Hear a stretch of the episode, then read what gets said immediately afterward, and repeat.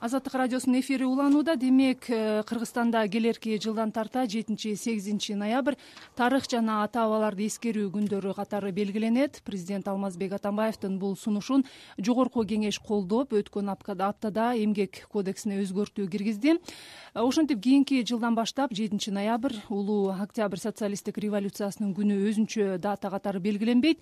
Мындай демилгеге эмне себеп болду? Быйыл жүз жыл толгон октябрь революциясынын кыргыз эли үчүн мааниси төмөндөтүлдү деген пикирлер канчалык негиздүү кыргызстандын тарыхы жана жаш муундар үчүн объективдүү окутулуп жатабы өксүктөр кайсылар?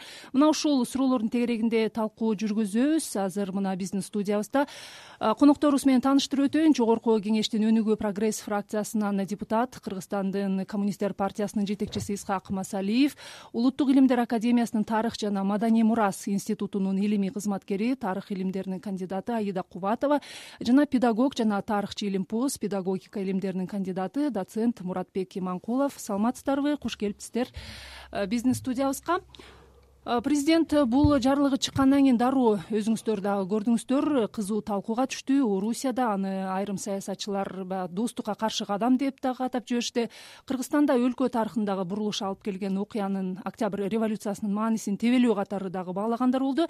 Айдайым анда сөзүбүздү сизден баштасак. Э, тарыхчы э, катары президент ушул жарлыкка кол коер алдында албетте тарыхчылар менен сиздер менен кеңешкендир. Ошол жарлыкты окуп карап көрсөм акыркы жылдары совет мезгилинде кетирилген тарыхый каталарды аңдап түшүнгөн сайын жетинчи ноябрь өзүнүн мурдагы маанисин жоготуп баратат деп белгиледи президент. Буга орусиянын өзүндө дагы бул майрам расмий белгиленбей калганы мисал келтирилди. Сиз тарыхчы катары ошондой пикирди негиздүү деп эсептейсизби? Биз э, бул жарлык чыккандан кийин албетте бизде талкуулар э, болду. Анан э, мен мен дагы өзүм дагы өзүм жеке пикиримде да мен дагы советтик доордо билим алып ал турсун ушу мен э, ата энем дагы ошо советтик доордо билим алып алардын э, билимин биз дагы улап ушул доордо тарбияланып калдык. Бул биз үчүн биринчи ушул указды укканда мен өзүмдүн жеке пикиримде менде бир мындай карама каршы ой пайда болду да. Андан кийин ойлонуп биз өзүбүздө талкуу жүргүзүлгөндөн кийин чындыгында эле ушунун э, туура экендигине дагы менин өзүмдүн көзүм жетти. Анткени буга чейин ушул октябрь революциясынын э, э, ар жыл сайын мына он сегизинчи жылдан баштап майрамдап келе жатабыз. Кийинки учурларда бир эле кыргызстан алсак кыргызстан белоруссияда гана белгиленип калыптыр бул майрам. Мунун дагы бир кыйла себептери болду. Анткени бизде бүгүнкү учурда мына эгемендүүлүккө ээ болгондон кийин бир кыйла изилдөөлөр жүргүзүлүп ошол баягы мурдагы илимий изилдөөлөр бир топ жаңы табылгылар менен байытылды деп айтсам болот да. Мисалы биз э, окутулуп жатканда совет э, албетте совет бийлигинин э, октябрь революциясынын кыргыз тарыхы үчүн кыргыз эли үчүн абдан чоң мааниге ээ экендигин эч ким тана албайт. Э, себеби дегенде абдан э, чоң өзгөрүүлөр элдин турмушунда маданий турмушунда экономикалык турмушунда башкача айтканда дээрлик ушул баардык тармактарында чоң жылыштар болгон. Бирок ошону менен катары эле биз анын терс жактарын караган учурда мына бүгүнкү күндө абдан э, чоң нерселерге нерселерди түшүнүп жатабыз мисалы жанагы репрессия учуру. Деги эле совет бийлиги орногондон кийин пролетариат диктатурасы орногондон кийин биздеги жанагы кулакка тартуу процесстери андан кийинки саясий репрессиялар бул жөнүндө жабылуу боюнча келгенде а бүгүнкү күндө ошолордун баарын оң терс жактарын таразалап келген учурда бул туура экендигин түшүнүп жатабыз. А жанагы россия э, россияга каршы деген сөз бул таптакыр эле жөнү жок сөз да. Анткени бул жерде албетте он алтынчы жылдагы курмандыктарды дагы эскерүү деп указда э, жарлыкта белгиленип жатат. А чындыгын айтканда мына э, көтөрүлүш өзү июль айында башталган да он алтынчы жылы июль айында. А муну ушул россия империясына каршы көтөрүлүштүн башталышы деп кошуп элдин эл туура эмес түшүнүккө кетип жатышат.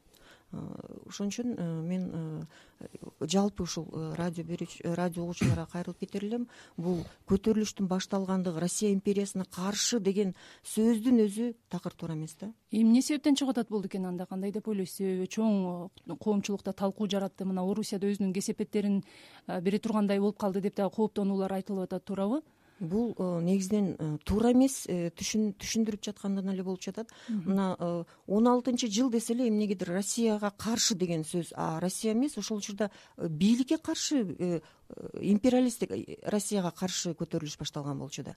Мен жана айтып кетпедимби июль айында башталган болчу. А эгерде биз аны башталган учуру же ушул апогей бир август айында сентябрь айында аябай күчтүү болгон да анан кийин эле ошол окуялардын баарын эле ушул э, россияга каршы аракет деп баалоонун өзү бул эң туура эмес.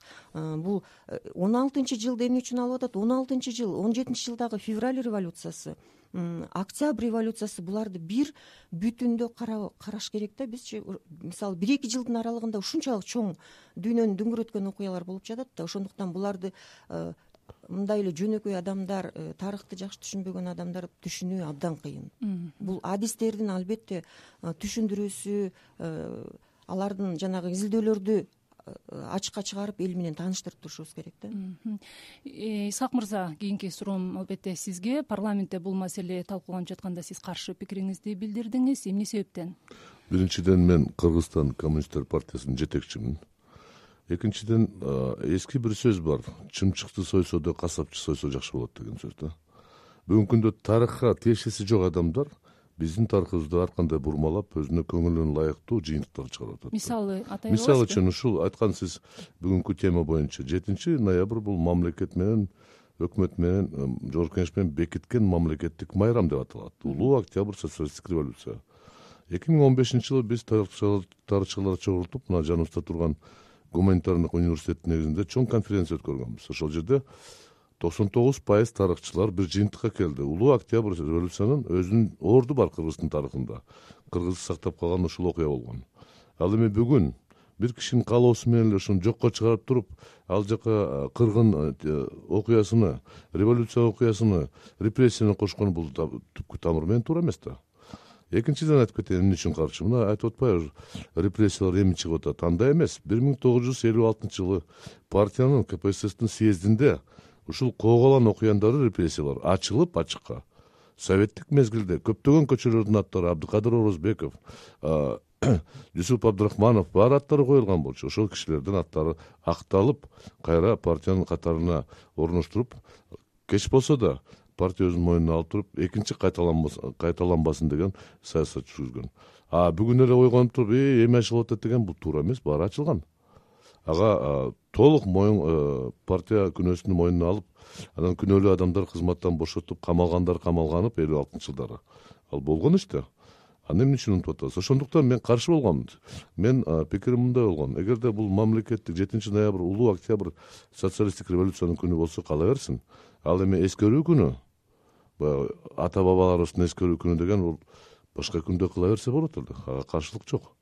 Анан баарын аралаштырып репрессия он алты бир миң тогуз жүз он алтынчы жыл он жетинчи жылы кошкону бул мындай орустун тили менен айтканда дилетанттык көз караш болуп турат да. Андай болбош керек да.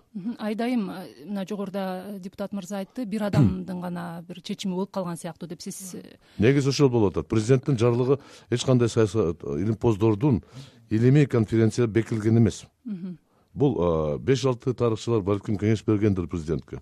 Мен мындай сөз эсиме келет да байыркы сөз бар. Атың чыкпаса жер өрттө депчи. Октябрь революцияны жокко чыгарган канча гана падышалар чоңдор болгон. Алардын тагдырын эске алыш керек. Эмне болсо да кыргыз эли үчүн мен орусияны албайм. Ал жакта маселе бар. Прибалтиканы албайм. Ал жерде маселе болушу мүмкүн. Кавказды албайм. Ал жерде октябрь окуя башкача таасир бергендир. Ал эми кыргыз эли үчүн бир гана жетиштүү бир миң тогуз жүз он алтынчы жылы кыргындан орусия падышалыгын биздин тебелеп жоготкондон сактаган.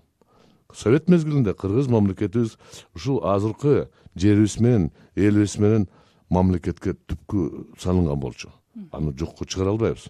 Ошону эске алып жүрүшүбүз керек. Менин айтканым экинчи унутулуп атат деп президент айтып атат. Эмне себептен унутулуп атат ар бир майрам мамлекеттик майрамды өкмөт тарабынан иш чара жүргүзүш керек да. Эгерде жүргүзбөсө премьер министриңер унутса президентиңер унутса спикериңер унутса эч ким көңүл бурбаса унутулуп кетет бул турган иш. Эстебесе адам туугандарды унутуп калат да. Ошондуктан бул баарыбыз коомубузда чогуу иш кылышыбыз керек. Мен айткан жокмун баары эле аянтка чыгып митинг өткөргүлө жок эскерип койсок жаман болбойт эле да улуу октябрь социалисттик революция ошол себептен мен э, кесиптештерди чакырдым. Сизди тактап коеюн. Мыйзам кабыл алынган эмес. Бул биринчи окууда кабыл алынды. Дагы экинчи окууда кабыл алып президент кол койгондон кийин күчүнө кирет да